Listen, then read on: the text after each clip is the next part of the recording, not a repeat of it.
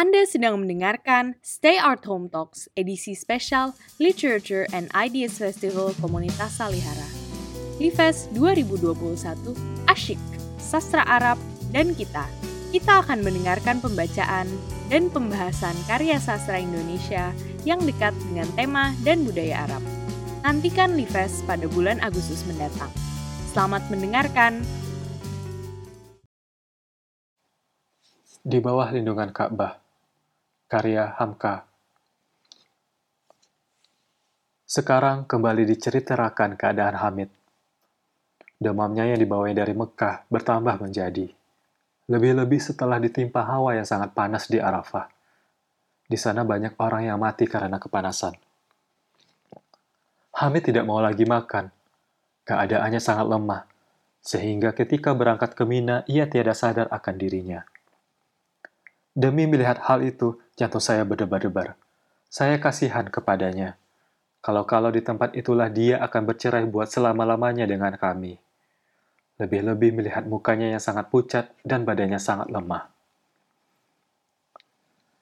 Setelah penyembelihan besar itu, pada hari ke-12 kami berangkat ke Mekah, yaitu mengerjakan rukun yang agak cepat tidak menunggu sampai tiga hari. Sebelum mengerjakan tawaf besar, lebih dulu kami singgah ke rumah kami. Karena penyakit Hamid rupanya bertambah berat, terpaksalah kami mencarikan orang badui upahan yang biasanya menerima upah mengangkat orang sakit mengerjakan tawaf. Sebelum Hamid diangkat ke atas bangku itu, yang diberi hamparan daripada kulit dahan kurma berjalin, Khadam Syekh datang terburu-buru mengantarkan sepucuk surat kawat dari Sumatera. Setelah kami buka, ternyata datang dari Rosna. Muka Saleh menjadi pucat. Jantung saya berdebar-debar membaca isinya yang tiada disangka-sangka. Zainab wafat, surat menyusul, Rosna. Setelah dibacanya, dengan sikap yang sangat gugup, Saleh menyimpan surat kawat itu ke dalam koceknya, sambil memandang kepada Hamid dengan perasaan yang sangat terharu. Tiba-tiba dari tempat tidurnya, Hamid kedengaran berkata, Surat apakah yang tuan-tuan terima Apakah sebabnya tuan-tuan sembunyikan daripadaku? Adakah ia membawa kabar suka atau kabar duka? Jika ia kabar suka, tidakkah patut saya diberi sedikit saja pada kesukaan itu? Jika kabar itu kabar mengenai diri saya sendiri, lebih baik tuan-tuan terangkan kepada saya lekas-lekas. Tiadalah patut tuan-tuan sembunyikan lama-lama, jangan dibiarkan saya di dalam sakit menanggung perasaan yang ragu-ragu.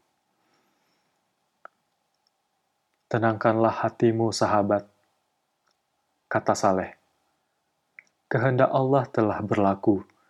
Ia telah memanggil orang yang dicintainya ke hadiratnya.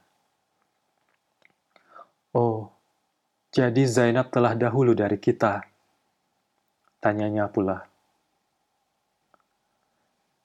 Setelah termenung sejenak, Saleh menganggukkan kepalanya. Melihat itu, kepalanya tertekun ia menarik napas panjang, dan pipinya meleleh dua titik air mata yang panas. Tiada berapa saat kemudian datanglah Badui tersebut dengan temannya membawa tandu yang kami pesan. Hamid pun dipindahkan ke dalam dan diangkat dengan segera menuju Masjidil Haram. Saya dan Saleh mengiringkan di belakang menurutkan kedua Badui yang berjalan cepat itu. Setelah sampai di dalam masjid, dibawalah dia tawaf keliling Ka'bah tujuh kali. Ketika sampai pada yang ketujuh kali, diisyaratkannya kepada Badui yang berdua itu menyuruh menghentikan tandunya di antara pintu Ka'bah dengan batu hitam, di tempat yang bernama Multazam, tempat segala doa makbul. Orang lain tawaf pula berdesak-desak. Dengan sigap orang-orang Badui itu mengangkat tandu ke dekat tempat tersebut. Hati saya sangat berdebar melihat keadaan itu. Saya lihat pula muka Hamid. Sudah tampak terbayang tanda-tanda dari kematian. Sesampai di sana diulurkannya tangannya. Dipegangnya kiswah kuat-kuat dengan tangannya yang telah kurus, seakan-akan tidak akan dilepaskannya lagi. Saya dekati dia. Kedengaran oleh saya dia membaca doa demikian bunyinya. Ya Rabbi, ya Tuhanku, yang maha pengasih dan penyayang, bahwasanya di bawah lindungan Ka'bah rubah engkau yang suci dan terpilih ini. Saya menadahkan tangan memohonkan kurnia. Kepada siapakah saya akan pergi memohon ampun kalau bukan kepada engkau, ya Tuhan? Tidak ada seutas tali pun tempat saya bergantung lain daripada tali engkau. Tidak ada satu pintu yang akan saya ketuk lain daripada pintu engkau. Berilah kelapangan jalan buat saya, hendak pulang ke hadirat engkau. Saya hendak menuruti orang-orang yang dahulu dari saya, orang-orang yang bertali hidupnya dengan hidup saya. Ya Robbi, Engkaulah yang Maha Kuasa, kepada engkaulah kami sekalian akan kembali. Setelah itu, suaranya tiada kedengaran lagi. Di mukanya terbayang suatu cahaya yang jernih dan damai. Cahaya keridaan ilahi. Di bibirnya terbayang suatu senyuman dan sampailah waktunya. Lepaslah ia dari tanggungan dunia yang maha berat ini dengan keizinan Tuhannya di bawah lindungan Ka'bah.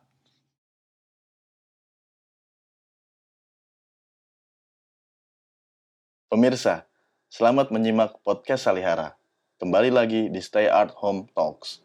Kali ini edisi khusus Literatur and Ideas Festival atau LIFES 2021 yang bertema Arab Asyik.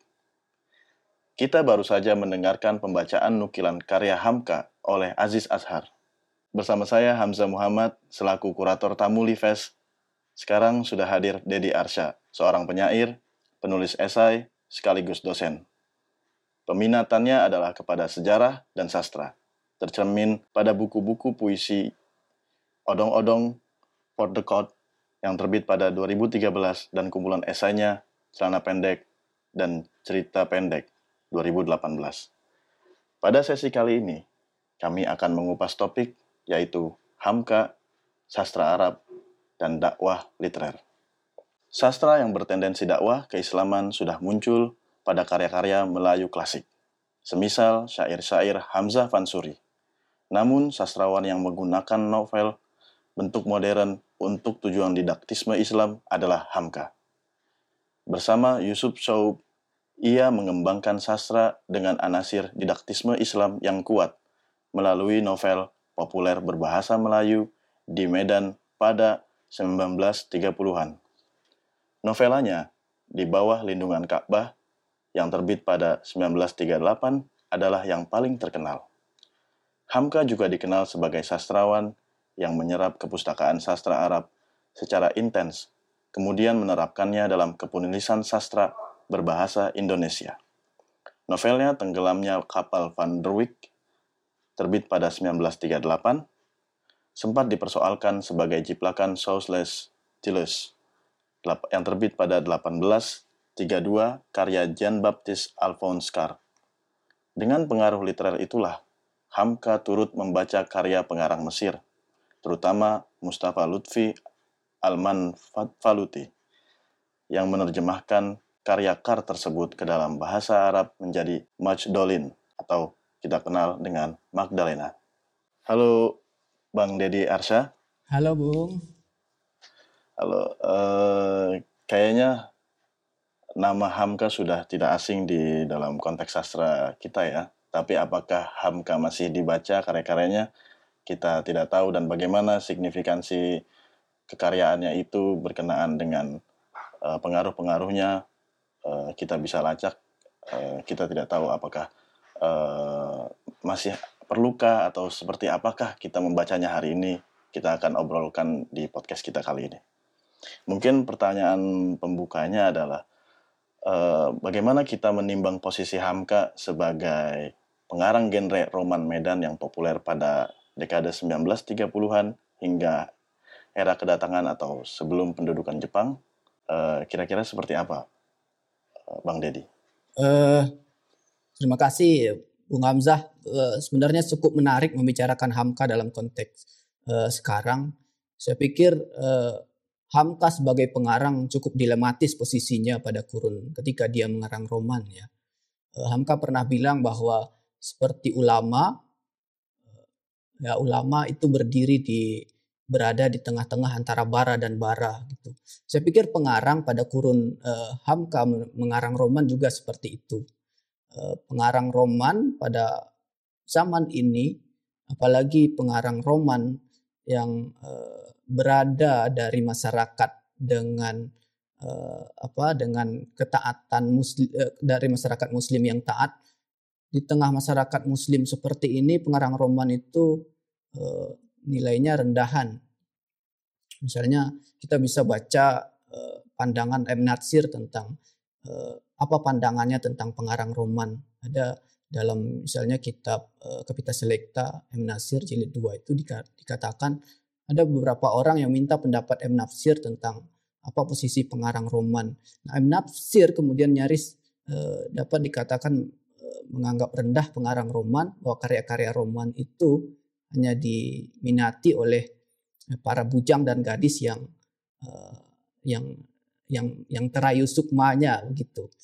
Nah, di dalam kalangan-kalangan muslim sekalipun juga seperti itu. Ayah Hamka bahkan eh, tidak begitu menyukai tabiat anaknya yang yang pada masa remaja itu suka berdiam diri di di kamar, suka meminjam buku-buku roman ke uh, vault bibliotek perpustakaan rakyat yang ada di Padang Panjang misalnya dan dia uh, ya setengah memarahi Hamka karena kebiasaan dia mengarang roman. Jadi posisi Hamka sebagai uh, yang ketika itu belum ulama tapi sudah dapat dikatakan sebagai uh, uh, apa orang yang uh, terdidik secara agama karena dia juga sudah belajar ke Mekah, belajar di perguruan uh, Islam juga di Sumatera Barat. Nah, dia uh, orang tahu dalam tanda kutip sebagai orang tahu agama lalu mengarang roman ini dilematis juga posisinya. Dia menghasilkan roman-roman yang melankolik dan penuh aroma-aroma percintaan tapi mau tidak mau dia harus mengakomodir juga uh, apa ya tuntutan-tuntutan dari para uh, ulama, para agamawan bahwa uh, roman-roman yang seperti itu cenderung melenakan dan roman-roman yang diinginkan oleh masyarakat muslim, oleh ulama-ulama muslim sebenarnya roman-roman yang uh, punya nilai-nilai dakwah, nilai-nilai keislaman. Saya pikir uh, Hamka dibanding pengarang-pengarang roman lain uh, cukup dilematis posisinya dan posisi Hamka itu dalam karya-karyanya cukup cukup berhasil dia memadukan antara uh, apa semangat kepengarangan yang muda yang ingin berbicara tentang uh, kisah-kisah melankolik, kisah-kisah percintaan yang diadopsi dari berbagai kazanah termasuk kazanah barat dan kazanah Arab. Tetapi juga menyusupkan kemudian nilai-nilai uh, Islam dalam bentuk uh, apa nilai-nilai pendidikan dan dakwah di dalam karya-karya itu. Sekalipun kalau kita baca ulang eh, nilai-nilai itu tidak begitu menonjol sebenarnya pada karya-karya Hamka sebelum perang. Justru akan menonjol pada karya-karya sesudah perang. Itu okay. posisinya. Baik, uh, Bang Dedi. Uh, artinya karena posisi dilematis ini uh, menunjukkan Hamka menemui sastra dan menikmati sastra uh, di masa remajanya ketimbang kedakwahan itu sendiri. Ya, saya pikir begitu, Bung. Uh, setelah membaca beberapa karya Hamka Hawal, uh, saya membagi kemudian proses uh, kepengarangan roman Hamka ke dalam setidak-tidaknya dua fase besar. Fase sebelum perang yaitu sekitar 1935 atau 1938 terutama sampai 1941. Itu berturut-turut novel roman-romannya terbit.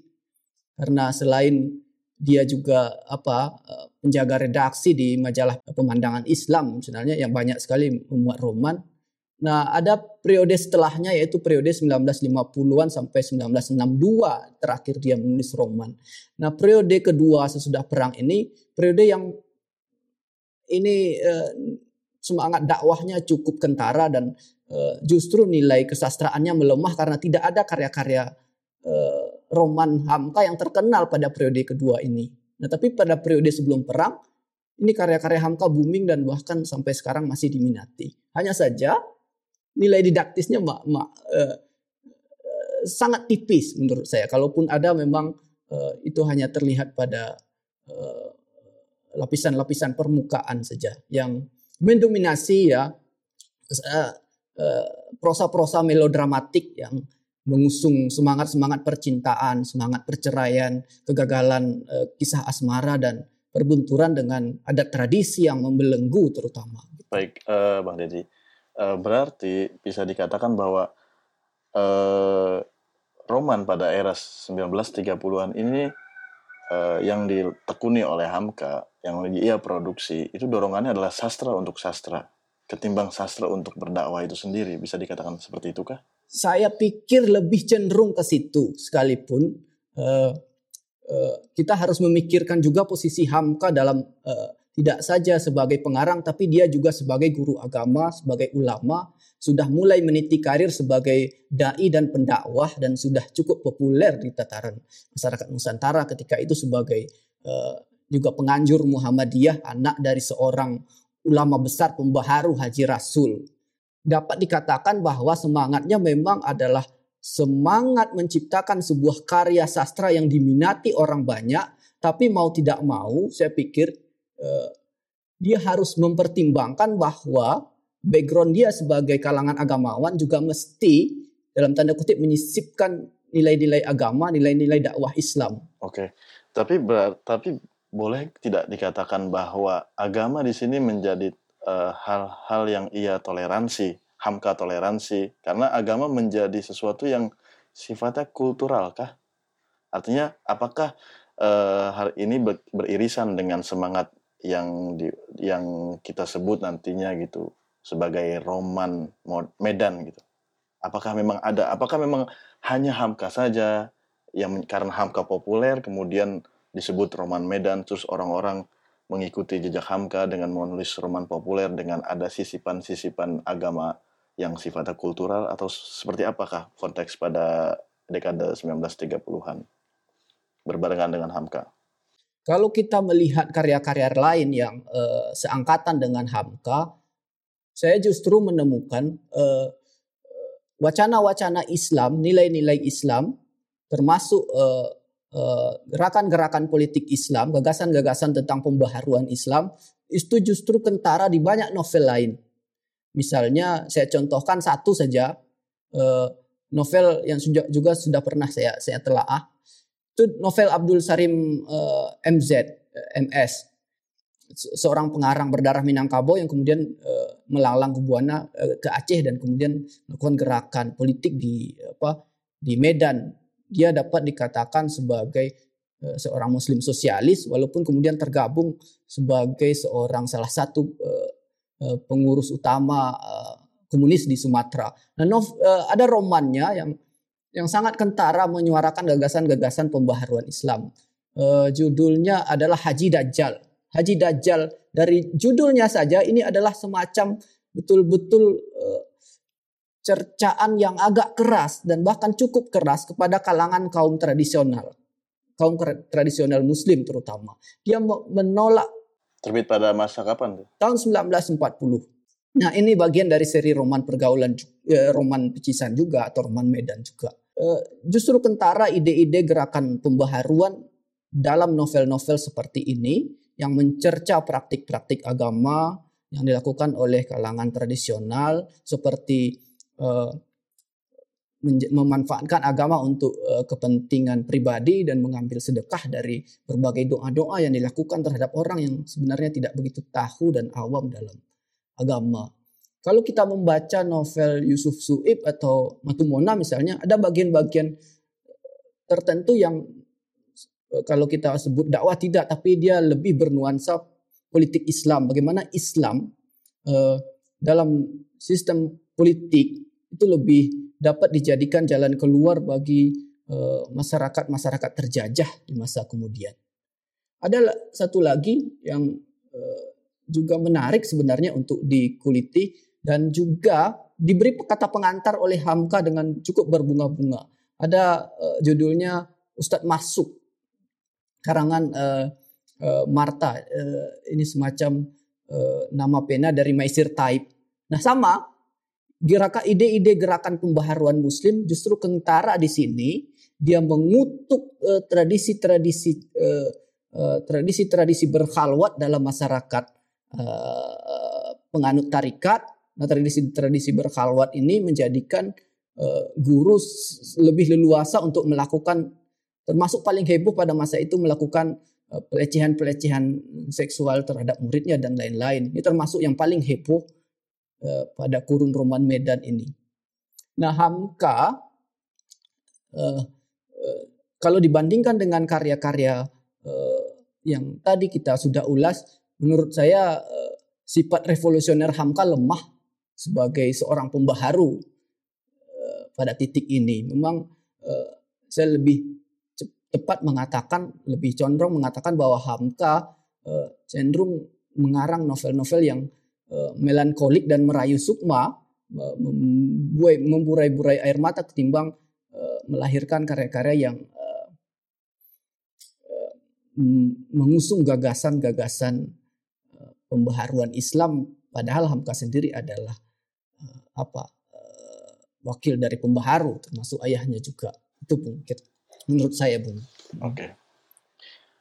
Uh, eh, uh, artinya bisakah dikatakan bahwa dengan mengemban posisinya mengemban dilema, ia punya kehendak untuk menjadi apa yang mungkin disebut sebagai sastrawan, kemudian dorongan permintaan dari keluarga yang memintanya supaya menjadi pemuka agama, itulah yang uh, membuat dia seperti kelimpungan sendiri untuk memilah mana yang dominan, mana yang tidak dia suarakan begitu ya. Karena dari paparan Bang Deddy Arsa ini kita melihat kelihatannya pada konteks roman Medan sastra itu memang menjadi semacam angin segar yang membaca masyarakat bahwa agama itu sendiri perlu diduduk, didudukkan secara kultural gitu. Terlebih uh, percakapan semacam itu memungkinkan di konteks uh, kolonial ya. Oke, okay. uh, eh, apakah justru itu dakwah yang toleran dalam tanda kutip dan da, dalam tanda kutip bahwa sastra yang memungkinkan dibaca oleh masyarakat masyarakat kita, sastra yang memungkinkan dibaca oleh masyarakat masyarakat kita adalah sastra yang tidak terlalu keras juga tidak terlalu lunak. Artinya tidak terlalu didaktis, tapi dia juga mengandung semacam melodramatik, unsur-unsur melodramatik tertentu yang yang secara resepsinya bisa lancar kepada pembaca masyarakat sastra Indonesia sendiri. Seperti apa? Oh. Barangkali keunggulan ha, uh, Hamka dibanding uh, karya-karya gerakan pembaharu, eh, karya-karya roman gerakan pembaharu yang sejajar dengan dia ya, ya itu tadi dia berhasil menghadirkan kar, uh, uh, gagasan-gagasan dakwah Islam yang yang pikir mungkin lebih ramah terhadap segala pembaca. Kalau kita per, uh, preteli novel Abdul Sarim misalnya atau uh, beberapa cerpen Matumona dan Yusuf Suib itu cukup cukup keras memang uh, pandangan mereka penonjolan terhadap Islam atau pandangan terhadap kaum tradisional termasuk karya Maisir Taib itu uh, menyakitkan bagi sebagian masyarakat muslim yang memang masih berada dalam uh, apa dalam uh, lingkup uh, beragama secara tradisional. Tapi Hamka keunggulannya kalau kita uh, mau uh, berbicara tentang itu uh, dia berhasil menyusupkan secara lebih santun dan lebih lembut katakanlah begitu nilai-nilai Islam ke dalam roman-romannya yang pada kurun itu sebenarnya tidak diharapkan juga bahwa roman bersuara secara lebih banyak tentang nilai-nilai Islam. Misalnya setiap kalau saya baca setiap kekacauan hidup, setiap nestapa hidup pada akhirnya bagi beberapa roman Hamka itu dikembalikan kepada kepada Tuhan, kepada jalan jalan Islam gitu. Orang tidak bisa bunuh diri meminum sublimat lalu mati itu dipertentangkan selalu dipertentangkan oleh Hamka dengan jalan yang lebih uh, tawakal di mana jalan Allah, jalan keislaman harus dipilih sebagai jalan bagi kenestapaan hidup gitu. Ada banyak contoh sebenarnya dalam kisah-kisah Hamka, mulai dari tenggelamnya kapal Van der Wijk, termasuk uh, uh, di bawah lindungan Ka'bah yang paling kentara bahwa orang harus pulang sumbu asal ketuhanan yaitu di Mekah dan uh, di kota suci. Tenggelamnya kapal Van der Wijk juga tidak uh, tidak memilih jalan Islam ya bunuh diri tapi yang kemudian bersabar dan bertawakal ya kemudian akhirnya sukses kan ada lagi misalnya uh, tuan direktur uh, itu lebih kentara lagi bahwa uh, corak perekonomian uh, uh, kapital itu justru menyengsarakan tapi corak perekonomian uh, yang berbasis pada nilai-nilai Islam bahwa dia harus mensejahterakan bersama itu justru lebih berhasil dan bertahan lama. Saya pikir keberhasilan Hamka dalam uh, unsur-unsur didaktis di situ bahwa mungkin Hamka tidak serevolusioner pengarang-pengarang uh, lain seperti yang saya sebut karena memang mereka misalnya Abdul Sarim itu uh, sosialis dan komunis tapi Hamka karena dia berada di posisi dilematis kecerdasan Hamka mungkin di situ ya berhasil menyusupkan nilai-nilai Islam secara lebih ramah dalam cerita-cerita melodramatik yang disukai banyak orang sampai hari ini. Baik Bang Dadi. Um, berarti dapatkah kita katakan bahwa karya-karya Hamka ini pada mulanya tidak ingin menggurui, ditulis dengan dengan dengan itikat tidak ingin menggurui, tapi mengisahkan belaka. Artinya uh, motif dari penulisan karya itu sendiri, roman itu sendiri, bertolak dari sesuatu yang mungkin pengontrasan apa yang terjadi di kenyataan, kemudian dipersoalkanlah kenyataan itu tidak hanya di potret-potret saja dan dikontraskan dengan apa yang uh, ia percaya sebagai keyakinan uh, kultural agamanya gitu. Dan berarti kalau pertanyaannya apakah karya Hamka menggurui dengan kebutuhan dakwah agama adalah agama gitu? Sastra adalah agama? Apakah seperti itu Bang Deddy atau tidak sama sekali jadinya? Saya uh, kita harus menimbang umur Hamka ketika dia menulis uh, roman-roman awal yang fenomenal itu. Saya saya cek umur Hamka ketika, itu baru 31, umur yang cukup masih muda. Nah, akan berbeda nanti ketika umur Hamka sudah 50 tahun lalu menulis uh, roman-roman yang isinya justru banyak sekali berisi kazanah-kazanah ceramah dan kazanah-kazanah uh, fabel yang bertujuan memang untuk kentara sekali bermuatan dakwah.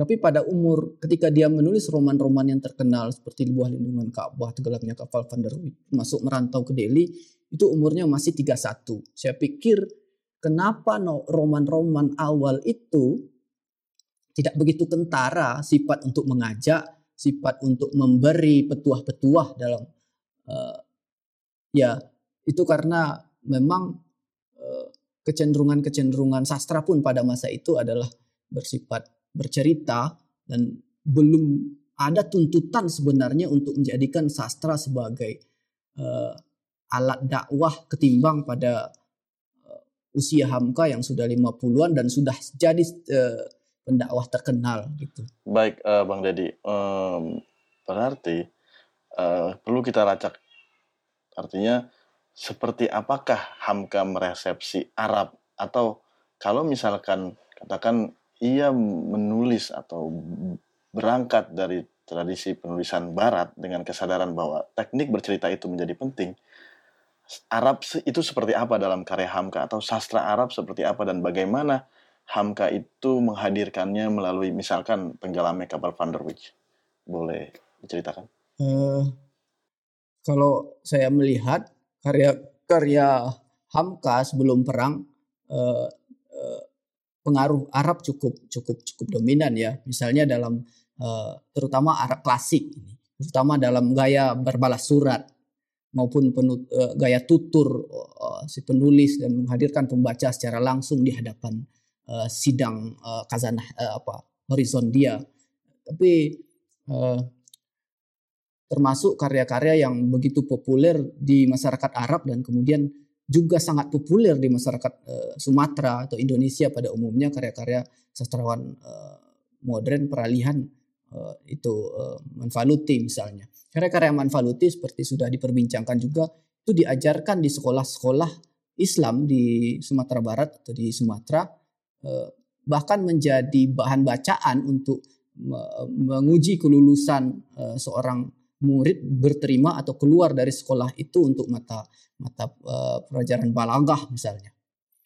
Nah, saya mengira bahwa Hamka juga sangat gandrung pada sastra-sastra berbahasa Arab itu. Tapi yang harus kita garis bawahi memang bahwa karya-karya berbahasa Arab yang dibaca oleh Hamka pada masa-masa dia membangun karir intelektual kepengarangannya pada umur belasan memang berbahasa Arab tapi eh, itu adalah karya-karya dari kazanah eh, kazanah barat juga terutama dari eh, para pengarang-pengarang Prancis misalnya.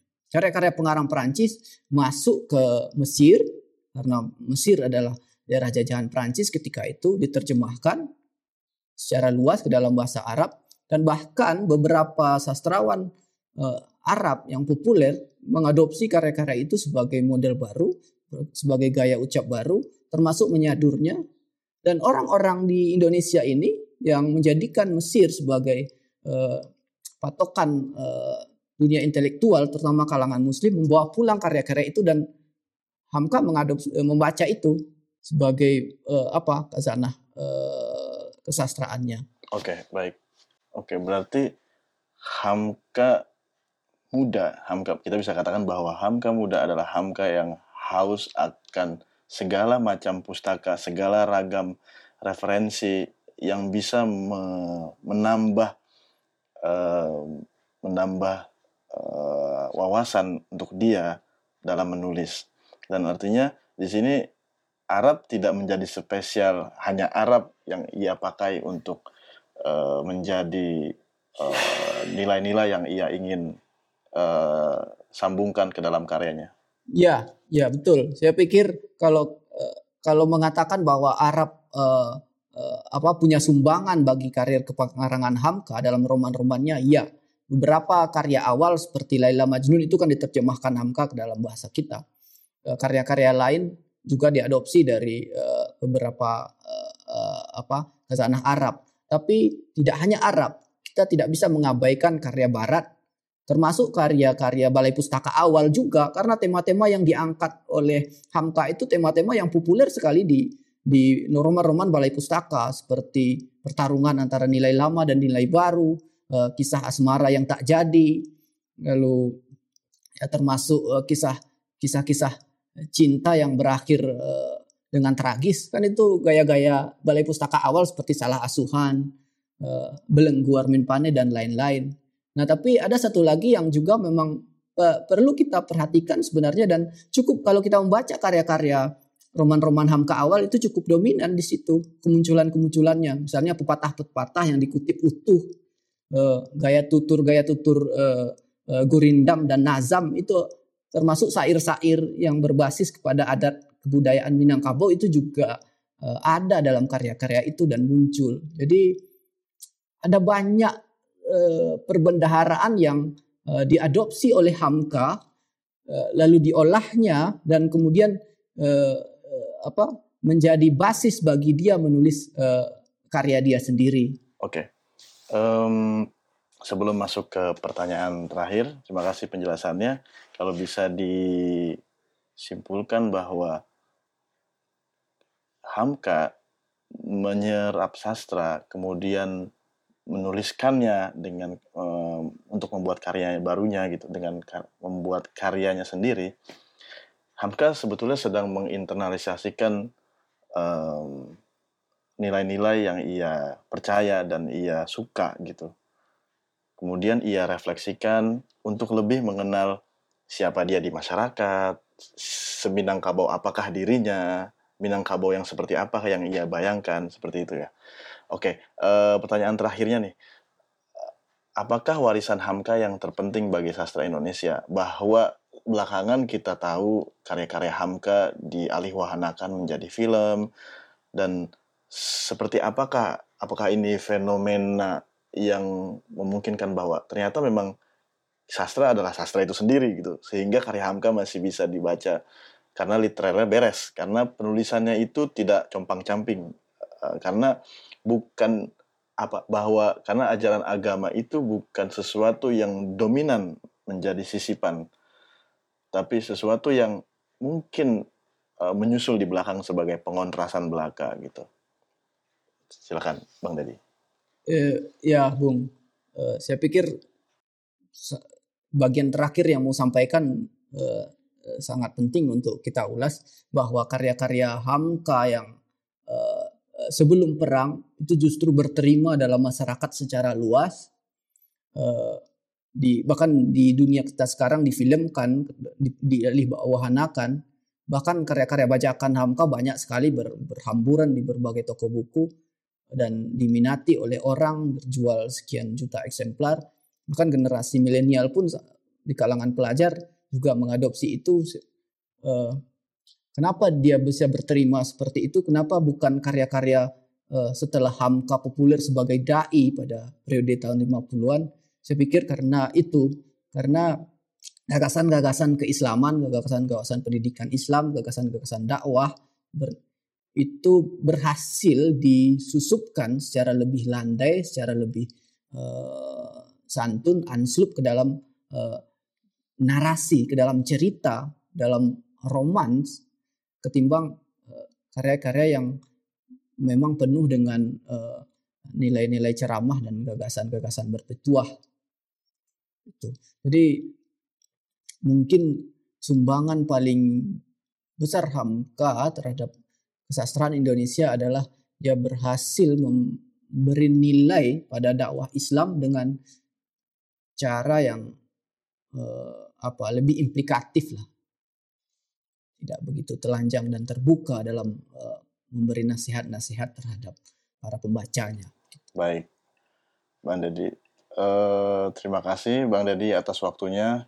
Kita uh, dengan menyimak podcast ini kita bisa bisa simpulkan bahwa Hamka dan karya-karyanya sangat mungkin untuk kita baca, khususnya karya-karya Hamka muda karena karya-karya tersebut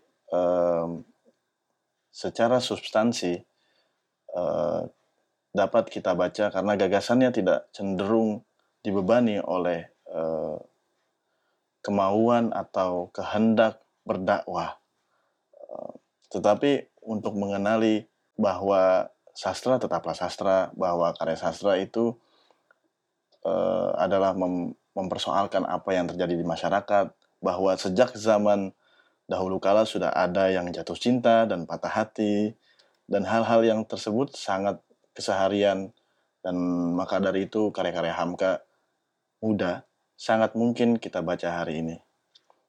Baik, eh, terima kasih Bang Dedi. Oke Bung, sama-sama. Demikianlah episode Hamka Sastra Arab dan Dakwah Literer bersama Dedi Arsya. Jangan lupa ikuti terus media sosial komunitas Salihara untuk mendapatkan informasi seputar Lives 2021. Sampai jumpa dalam episode berikutnya yang bertema Jamil Suherman dan Sastra Pesantren. Sampai jumpa.